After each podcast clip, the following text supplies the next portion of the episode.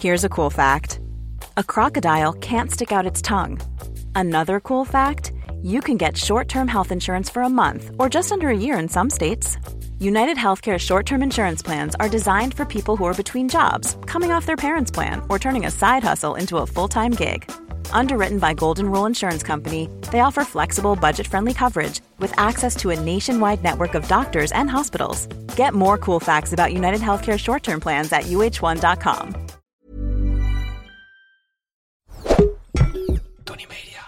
Het is oorlog in Europa. Gaan we allemaal dood in een kernoorlog? Nee, ik denk het niet. Gaat deze oorlog de wereld veranderen?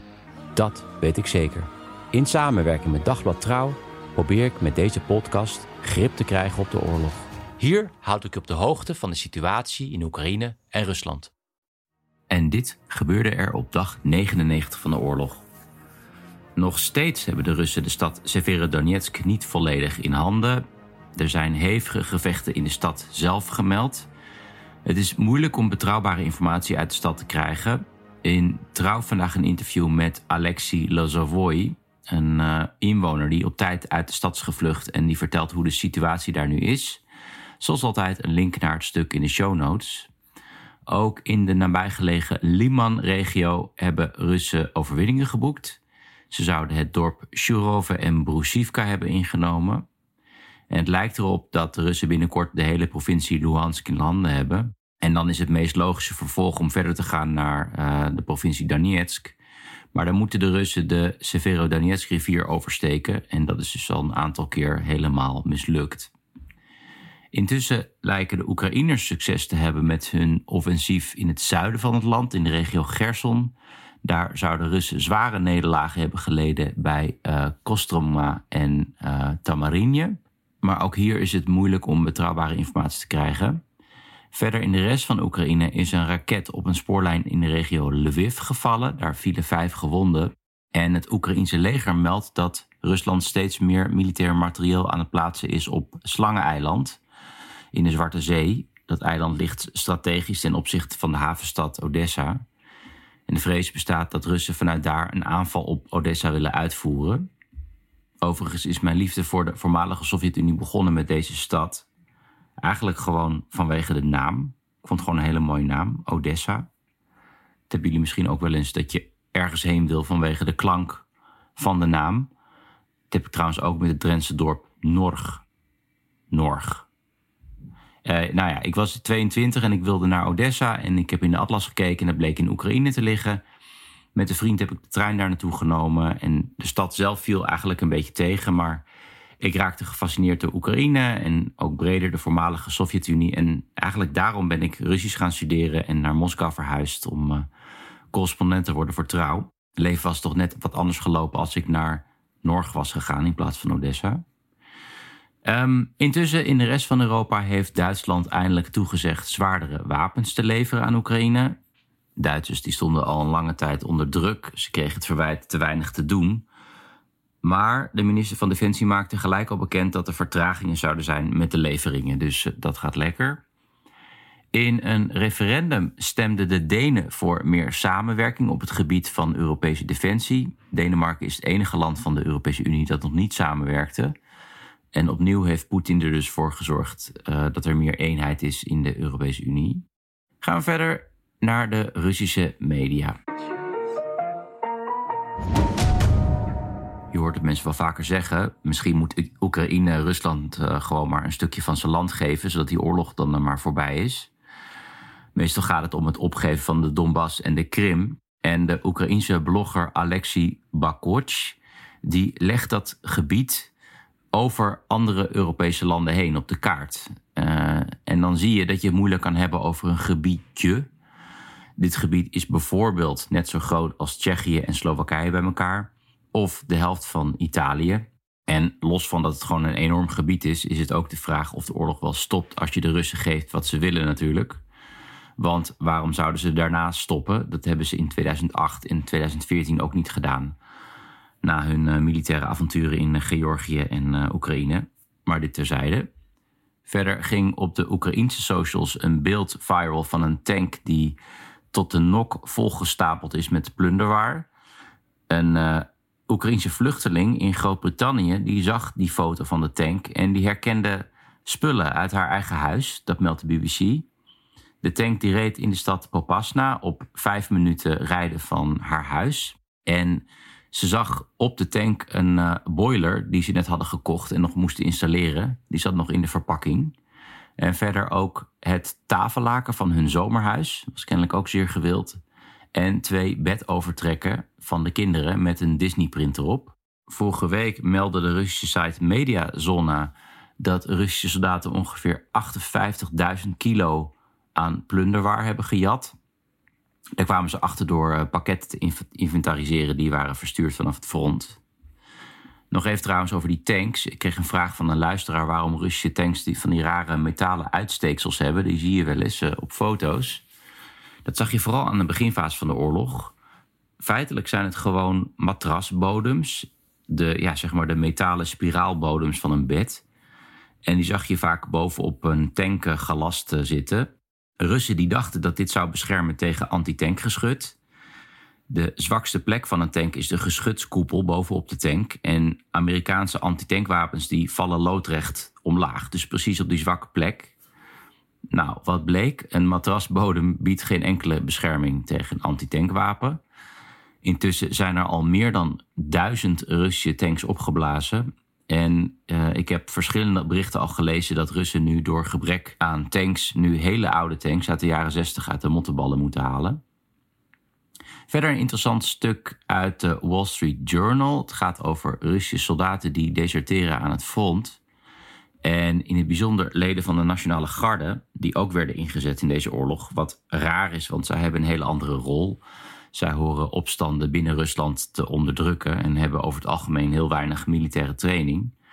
Geen wonder dat sommigen ook niet wilden vechten. Ehm, de regels van deserteren waren juist aangescherpt. Je kan in principe een gevangenisstraf van 10 jaar krijgen, maar dat is dus nog niet gebeurd. Terwijl er dus honderden gevallen van desertie al zijn uh, gemeld. Het is opvallend dat niemand hard wordt gestraft. Vooral met het tekort aan uh, soldaten waar uh, het Kremlin nu mee kampt. En dat is ook de worsteling van het Kremlin. Ze hebben hard nieuwe soldaten nodig. Maar dienstplichtige inzetten leidt misschien tot opstanden in Rusland. Dus blijven die contractsoldaten over. En door het harde straffen uitdelen aan, uh, aan deserteurs. Ja, dat schrikt misschien nieuwe aanmeldingen af. En geeft ook nog meer aandacht voor dit probleem. Waardoor het misschien alleen maar kan verergeren. Het is trouwens opvallend dat niet alleen soldaten, maar ook officieren deserteren. En ja, dat is natuurlijk weer een teken aan de wand dat het moraal in het Russische leger nog steeds beroerd is. Oké, en dan nog dit. Het is bekend dat het gevaarlijk is om in Rusland tegen de oorlog te demonstreren. Ik heb daar al vele absurde voorbeelden van gegeven in deze podcast. Mensen die een wit vel omhoog houden en worden opgepakt, of iemand met ja, geel-blauwe gimpen en wordt ook al opgepakt. Maar er worden nu ook mensen opgepakt die op werk of in een privésituatie zich tegen de oorlog uitspreken. En dat is nieuw. Deze mensen worden verraden door collega's of zelfs familie. En het doet een beetje denken aan de zuiveringen van Stalin in de jaren 30, waar mensen toen ja, aan de lopende band werden verraden.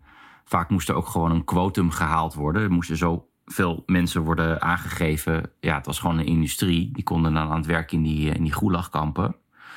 En mensen kwamen daar dan vaak volkomen ten onrechte in die kampen terecht. Ik sprak ooit een vrouw in Magadan, helemaal in het oosten van Rusland. Het is echt een hele beruchte plek waar veel gulagkampen zaten.